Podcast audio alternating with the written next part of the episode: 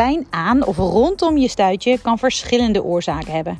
Gelukkig zijn er ook verschillende factoren die invloed hebben en het ook weer kunnen verminderen. In deze podcast vertel ik je erover en hoop ik dat wanneer je klachten hebt, je een hoop informatie erbij krijgt om te zorgen dat het vermindert en hoe je in ieder geval kunt zorgen dat je er weer vanaf komt. En liever nog, voorkomen. Want voorkomen is altijd beter dan genezen.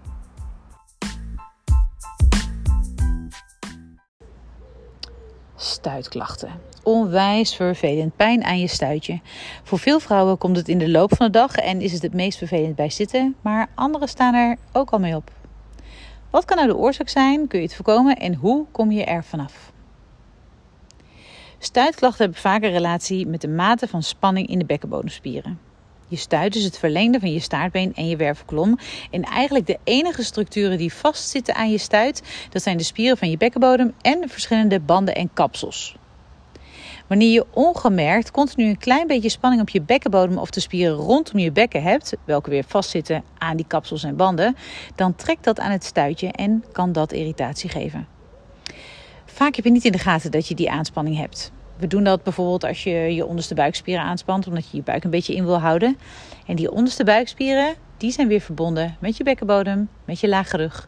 Dus op het moment dat jij je buik intrekt of gewoon wat gespannen zit, zelfs als je je schouders wat omhoog hebt, dan zijn ook die bekkenbodemspieren altijd een klein beetje aangespannen en trek je dus een klein beetje aan je stuitje. Je bekkenbodem werkt samen met je diepe onderste buikspieren en dus die stabiliteitsspieren van je rug. En dat is wel handig, want wanneer je iets stilt of een ander buikdrukverhogend moment hebt, dan moet die hele koor stabiel staan. Wanneer je de ene spiergroep aanspant, dan doen die andere twee dat ook. Maar ja, wij vrouwen gebruiken die diepe dwarse buikspieren dus ook om onze buik in te trekken. Eh, om een heel andere reden dan stabiliteit. En je kunt je vast wel voorstellen wat je doet wanneer je pijn hebt. Of wanneer je toch iets wat gestrest bent. Positief bij iets leuks. Of negatief doordat je het te druk hebt. Of te veel druk ervaart.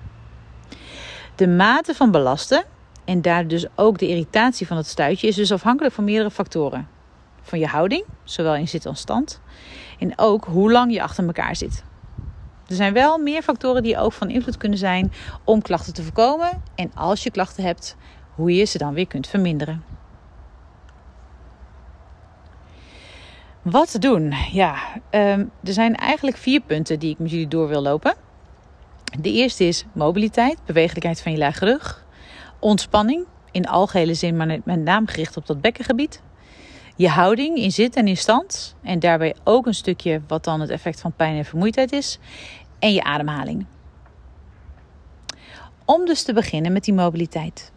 Wanneer je lage rug soepel kan bewegen, dan heeft dat effect op de aanspuring van alle spieren en ook op de doorbloeding in het hele gebied. Wanneer je wervelkolom onbeperkt kan buigen, draaien en kantelen, zullen alle zenuwen lekker de ruimte hebben en precies de spieren kunnen signaleren die jij wilt bereiken. Die drie richtingen van bewegingen kun je oefenen door rustig, minimaal 20 keer achter elkaar, pijnvrij naar de eindgrens te bewegen.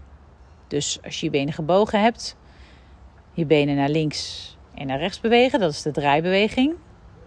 Je bekken kantelen, dat is eigenlijk voor- en achterover buigen. En ook om en om een been lang maken terwijl je je benen gestrekt hebt liggen. Een goed werkende wervelkolom, een goed bewegende wervelkolom, is een basis voor goed kunnen ontspannen in je spieren, voor het kunnen handhaven van een goede houding en om lekker vrij te kunnen ademen. Mocht je het nou handig vinden om een filmpje te hebben van die verschillende oefeningen die je kunt doen om de mobiliteit van je lage rug te verbeteren, ga dan even naar de geschreven versie van dit artikel. Dat is www.hipfitman.nl/slash stuitpijn. Er staan ook nog veel meer linkjes, ook naar andere oefeningetjes, die later wellicht in het blog nog langskomen. Ontspanning is deel 2.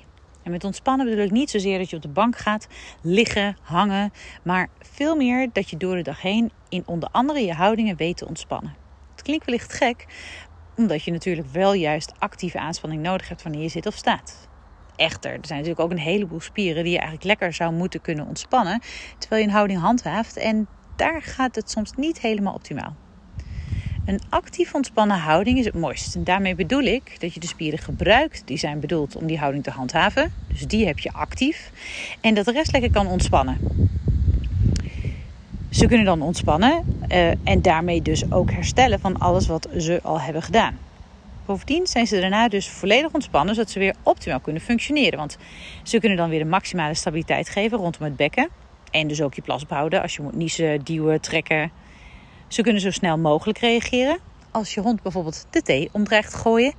En ze kunnen ook weer meerdere keren achter elkaar de activiteit herhalen indien nodig.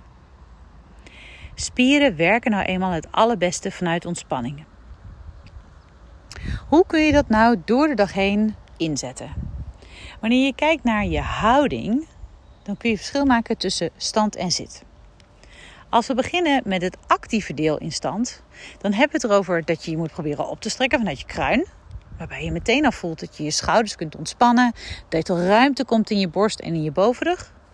En probeer je knieën uit het slot te houden. De basis voor alles wat daar eigenlijk boven zit. Want als je dat doet, dan kun je de rest namelijk loslaten en ontspannen. Je kunt je buik loslaten als je je knieën ontspannen hebt. Je kunt je kaak ontspannen. Je kunt je schouders loslaten. Juist ook als je opgestrekt bent. Je kunt je billen ontspannen. En daarmee laat je vaak ook je bekkenbodem los. Als je buik en je billen ontspannen zijn. En die bekkenbodem die hangt daar natuurlijk een beetje tussen. Dan is die vaak ook ontspannen. Voor zitten is het soortgelijk. Als je goed start met je houding en gebruik gemaakt van je stoel, dan hoef je eigenlijk bijna niks te doen om netjes te kunnen blijven zitten. Maar daar is wel dus eerst een actief deel voor nodig. Duw je billen goed achter in je stoel en kom vervolgens met een gestrekte rug omhoog totdat je de leuning voelt. Dan ontspan je. Zorg dat je voeten het liefst plat op de grond staan en je, je knieën in 90 graden. Blijf ook hier je kruin een beetje opstrekken, zodat je weer ruimte hebt in je bovenrug en in je borst. Vervolgens kun je dus een deel ook ontspannen. Laat je buik lekker los. Ontspan je kaken, ontspan je schouders, ontspan je billen.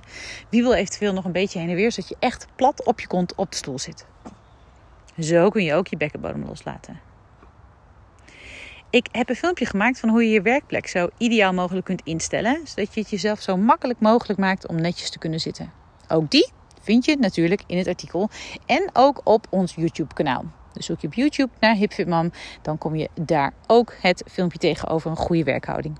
Overigens ook nog een filmpje over hoe je kunt zorgen dat je je nek een beetje traint, de juiste oefeningetjes doet, zodat je je nek ontspannen kunt houden en dus klachten voorkomt.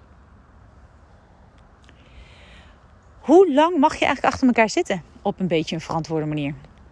Nou, als je niet zwanger bent, is dat zo'n 30 tot 45 minuten. En dan moet je echt in beweging komen.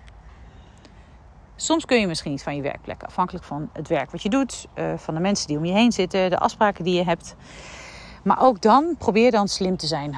Al zou je maar even holbol maken, even een beetje van houding verwisselen. Of misschien kun je wel een bal nemen in plaats van een gewone stoel. Of heb je een bureaustoel die kan draaien en kun je een klein beetje draaien. Waarbij je dus ook alweer je lage rug wat in beweging zet. Kleine trucjes om te zorgen dat je toch de boel in beweging hebt. Maar als het even kan, zorg dan iedere 30 tot 45 minuten echt ervoor dat je in beweging bent. Sta even op, loop even een stukje. Hoeft allemaal niet zo ingewikkeld, maar probeer slim te zijn. Doe telefoongesprekken bijvoorbeeld lopend. Uh, zorg dat je een keer naar een collega toe loopt in plaats van dat je de telefoon pakt.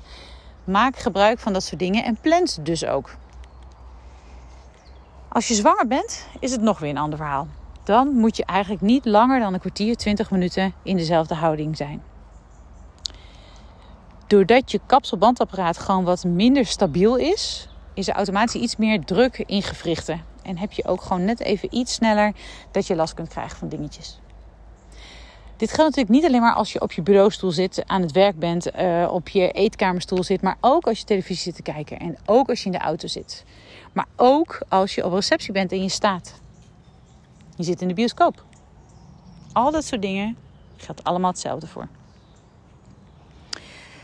Zo zie je maar weer dat wanneer je in de houding bent, je je stabiliteitsspieren best wel los kunt laten. Want die stabiliteitsspieren die zorgen naast stabiliteit natuurlijk ook voor je buik inhouden. En spanning op je bekkenbodem is daarvoor een gevolg.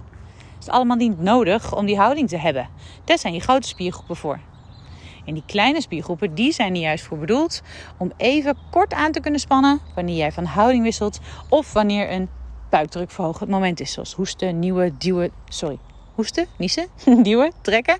Al dat soort dingetjes. Je spiergevoel verbeteren. Wanneer je bewust spieren loslaat, wanneer je zit of staat, dan zal je spiergevoel daar ook van verbeteren. Want hoe vaker je bewust bezig bent met loslaten of voelen of ergens spanning is, hoe beter je erin zult worden. En dat is dan weer fijn, want zo heb je sneller in de gaten dat je ergens onnodig spanning hebt, welke je dan vervolgens weer los kunt laten. En dat scheelt dan weer energie. En je leert ook beter aanspannen, omdat je gewoon weet waar die spiergroepen zitten. Waardoor je, als je ze wel nodig hebt, je ook sneller je, de juiste activiteit hebt. Mocht er nou een keer iets niet helemaal lekker lopen in je lichaam, dan zul je dat ook eerder gaan merken. Allemaal positief dus. Dus uh, gewoon lekker gaan doen. Nu ook, als je zit of staat, voel even. Kun je lekker doorademen. Zucht eens een keertje. Laat los wat er los te laten valt. Zonder uiteraard in te zakken als een plumpudding. Maar wat nou als je pijn hebt? En het kan stuitpijn zijn, maar het kan ook uh, kramp in je buik zijn. Het kan ook pijn in je rug zijn, zelfs pijn in je grote teen. Pijn zorgt er altijd voor dat je wilt gaan aanspannen. Een logische reactie ook van je lichaam, want zo bescherm je de aangedane structuur die in de regio van die betreffende spier ligt. Maar wanneer er, zoals bij stuitklachten door een overactieve bekkenbodem, wel ook extra aanspanning komt, dan is dat dus niet heel heilzaam. Je wilt namelijk juist dat er minder trekkracht aan dat stuitje komen in plaats van meer. Sowieso is pijn in je bekkenregio altijd een trigger om je buik, bekkenbodem, rug en vaak daarbij ook je bilspieren aan te spannen. Op de een of andere manier geeft ons dat een, toch een beetje een gevoel van controle. Maar niet te zeggen echter minder waar, want je zult vast begrijpen dat die spiergroepen dan niet optimaal kunnen samenwerken. En dat is nou juist bij stabiliteitsspieren zo van belang. Want, zoals ik al zei, spieren functioneren het beste vanuit ontspanning. Ze kunnen hun taak dan dus ook niet goed uitvoeren. En die taak wordt dan vervolgens weer gecompenseerd door spieren die daar helemaal niet voor bedoeld zijn. Ja, en dat kost dan in die spieren ook weer meer energie, want het gaat nooit zo efficiënt als wanneer je daar de stabiliteitsspeech voor gebruikt. Kortom, oorzaak, gevolg. Activiteiten kosten meer inspanning, kosten meer energie. En het gaat ook niet beter worden. Het is dus onwijs van belang dat je ergens die visueuze cirkel doorprikt. En vaak is het het makkelijkst om dan te beginnen met een stukje basis. Oftewel, je houding. De laatste waar we het over gaan hebben is ook zo'n belangrijk basisding, namelijk je ademhaling. En je zult je misschien afvragen wat de ademhaling nou te doen heeft met die stuitklachten. Nou, ten eerste is het zo dat de ademhaling invloed heeft op vrijwel alle processen in ons lichaam. Een zucht geeft lucht is niet voor niets een eeuwenoud gezegde. Even zuchten en daarmee goed doorademen zorgt vaak weer voor dat je even reset. Je ontspant je kaken, je laat je schouders los, ontspant je buik. Zorgt ervoor dat je ook weer even fris kunt nadenken. Maar naast dat mentale gebeurt er fysiek ook enorm veel bij iedere ademhaling. Wanneer we kijken naar de bekkenbodem, dan zien we dat bij een ademhaling waarbij het middenrif betrokken is, wat we ook wel eens de buikademhaling noemen in de volksmond, de bekkenbodem bij iedere ademhaling een beetje meeveert naar beneden. Je diafragma en je middenrif staan bovenop elkaar. Je diafragma vormt de bovenkant van de buikholte en je bekkenbodem de onderste. Wanneer er dus lucht de longen instroomt door uitvlakking van het middenrif, want als het middenrif aanspant, dan komt deze naar beneden, dan ontstaat er buikdruk. Want ja, dat wat er in die buik zit, daar komt een beetje druk op. En die buikdruk, ja, die zal ergens heen gaan. Met een beetje geluk kan je buik een beetje meeveren naar voren en veert ook zachtjes die bekkenbodem mee naar beneden. Die beweging, ook weer de teruggaande beweging uiteraard, weer terug omhoog op het moment dat je uitademt, is altijd een goede stimulans voor de doorbloeding. En het zorgt er ook voor dat je darmen af en toe ja, toch een beetje in en uit elkaar gaan. Een klein duwtje krijgen.